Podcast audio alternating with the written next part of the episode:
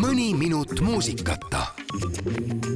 alates esmaspäevast ehk siis kolmekümnendast oktoobrist asub Eesti Kontserdi hallatavat Vanemuise kontserdimaja juhtima Sander Tamm ja Sander Tamm on meil täna külas. tere päevast! tere päevast! Kui nüüd vaadata natukene kaugemalt või võib-olla ka Tartu inimese jaoks on olemas Vanemuise suurmaja, Vanemuise väikemaja, Vanemuise kontserdimaja, kui palju need tegevused omavahel tegelikult igapäevaelus üldse põimuvad? või ongi iga, iga maja nii-öelda ajab oma rida ja elab oma elu? nimi on üks, Vanemuise teatril sihtasutus ja siis äh, Vanemuise kontsertimajal, mis on just tegelikult Eesti Kontserdi allüksus.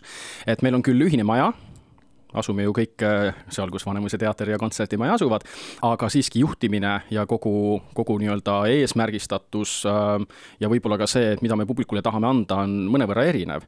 et võib-olla tihti nähakse kahte asutust konkurendina, mina näeks, et äh, tegelikult me ikkagi toimetame väga erinevas valdkonnas. ühel on ju tegemist suurte produktsioonidega, teater, draama ja tants ja meie tegeleme ju kontsertproduktsioonidega, ehk siis me oleme väledamad, me oleme kiiremad, me saame minna võib-olla paremini paigutuda erinevatesse linna linna äh, asupaikadesse, tuntud ja tundmatutesse kontsertpaikadesse. olgu see siis Emajõe ääres on ju või kuskil mujal, et äh, ka koolikontserdid, et see on ju Eesti Kontserdi spetsialiteet Eesti Kontserdijuht Kertu Orro ütles, et äh, sind valiti välja, üks põhjus vähemalt oli see, et sa tunned hästi Tartut ja Lõuna-Eesti muusikaelu. aga ütle, kui erinev siis on, et kui me võtame Tartu, Tallinn, Jõhvi, Pärnu, võib-olla ka Kuressaare, kui erinev siis on see publik, kui erinevad on nende paikade inimeste ootused? Tartu on ju, siin on ju ülikool, eks ole, ehk siis sa, sa saad siin aretada väga head koostööd haridusasutustega. kui me räägime Jõhvi kontserdimaja juhist, no tal ei ole sellist võimalust isegi, et tulla raadiosse rääkima, selles mõttes, et, et noh, ümbrus, mis meil siin on äh,, nii, nii raadiote, kaubanduskeskuste, kontsertpaikade näol, Lõuna-Eesti oma ilusa loodusega tean, et Tallinna kandis on tehtud raba- ja sookontserte, miks mitte teha seda siin ka Lõuna-Eestis, et võib-olla niisugune avastamata potentsiaal. Tartu praegu on koordineerinud ka üle-eestiliselt Eesti Kontserdi koolikontserte, äh, mida on siis juba eelmisel aastal toimunud kuskil nelisada kuuskümmend kuus. siin ju kasvatatakse kultuurikorraldajaid, majandust, äh, loommajandust, et ma arvan, et Tartu on nagu väga hea niisugune keskus. võtame ka Riia Tallinna vahel mingil määral, meil on siin kolm muusikakooli. ma arvan, et äh, see ümbruskond on üsna inspireeriv pluss ju tänu sellele, et siin on palju üliõpilasi ja üleõppureid, ehk siis äh, ütleme, et siis vanemaealisi, kes käivad ka ennast, täiendkoolitamas, siis mul on tunne, et Tartus ma ei oska nüüd Pärnu ja Jõhvi äh, eest rääkida, aga kindlasti on mul kogemus Tallinna osas, et Tartus on väga palju sellist nagu proovime ära, katsetame sellist mentaliteeti nagu õhinat. et ja selle pinnalt on ülipõnev tööd teha loen siit äh, sellest samast pressiteatest välja sinu mõtte, et erivajadustega inimesed peaksid rohkem osalema kultuuriloomes. ma ei mäleta, et keegi seda varem oleks väga välja toonud.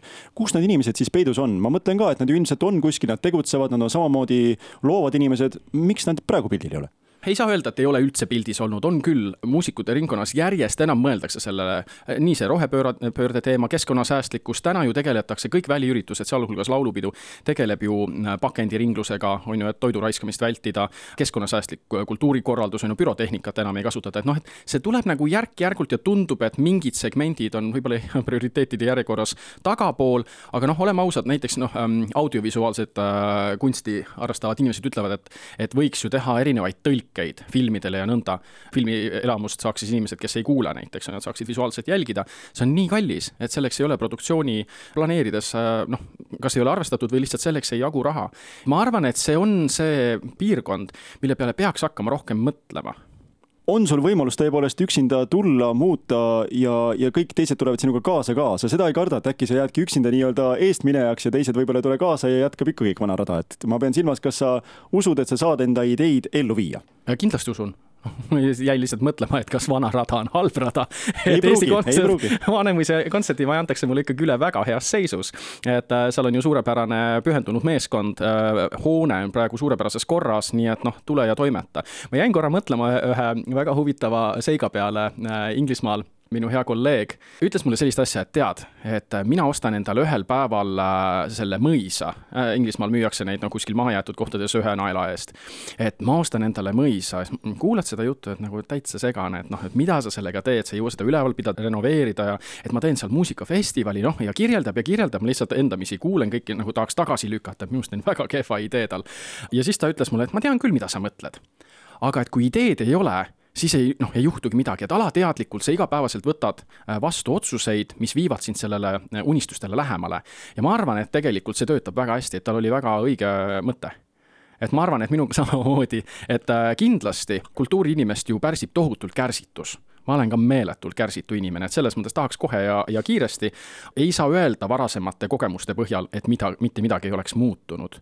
ja, ja veel üks huvitav sihuke metafoor, et äh, olen näinud sihukest vahvat videot äh, klipina, kus on veepudel, et veepudel R-kioskis a la Prismas ja siis lennujaamas. erinev hind on, on ju, aga et asi ei ole selles tootes, vaid asi on selles, et kus sa oled. tuleb tunda oma väärtust ja tuleb tunda ära need inimesed sa saad selle kontserdimaja enda kätesse päris huvitaval ajal, sest kohe-kohe saab Tartust ju Euroopa kultuuripealinn. millised väljakutsed, võimalused eh, eraldi veel see avab, oled sa natukene aimu saanud? kultuuripealinn noh, kindlasti paneb äh, võimed ja oskused proovile.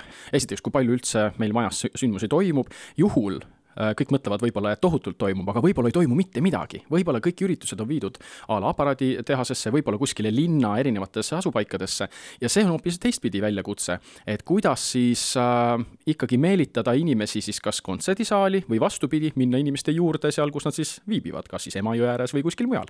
lõpetuseks, Sander, ma tahan tulla tagasi sinu jutus kõlanud mõisa teema juurde, täpselt nii, nagu peab alati olema see unistus või suur plaan kui nüüd ei oleks mitte mingisugust takistust, sa saaksid tõesti üksinda otsustada, raha mitte mingisuguseid piire ei seaks, mida sa muudaksid Vanemuise kontserdimajas üleöö nii-öelda, mis on see sinu helesinine unistus, mille poole sa püüdleksid?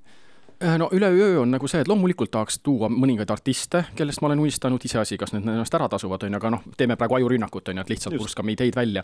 et äh, tegelikult äh, suund, mida ma näen, on see, et ma tahaks seda, et ühelgi muusikakoolil või muusikaõppuril ei jääks nagu suur lava vallutamata, sellepärast et muusikakooli eelarves ei ole rahastust, et rentida meie saali, mis ei ole just kõige odavam.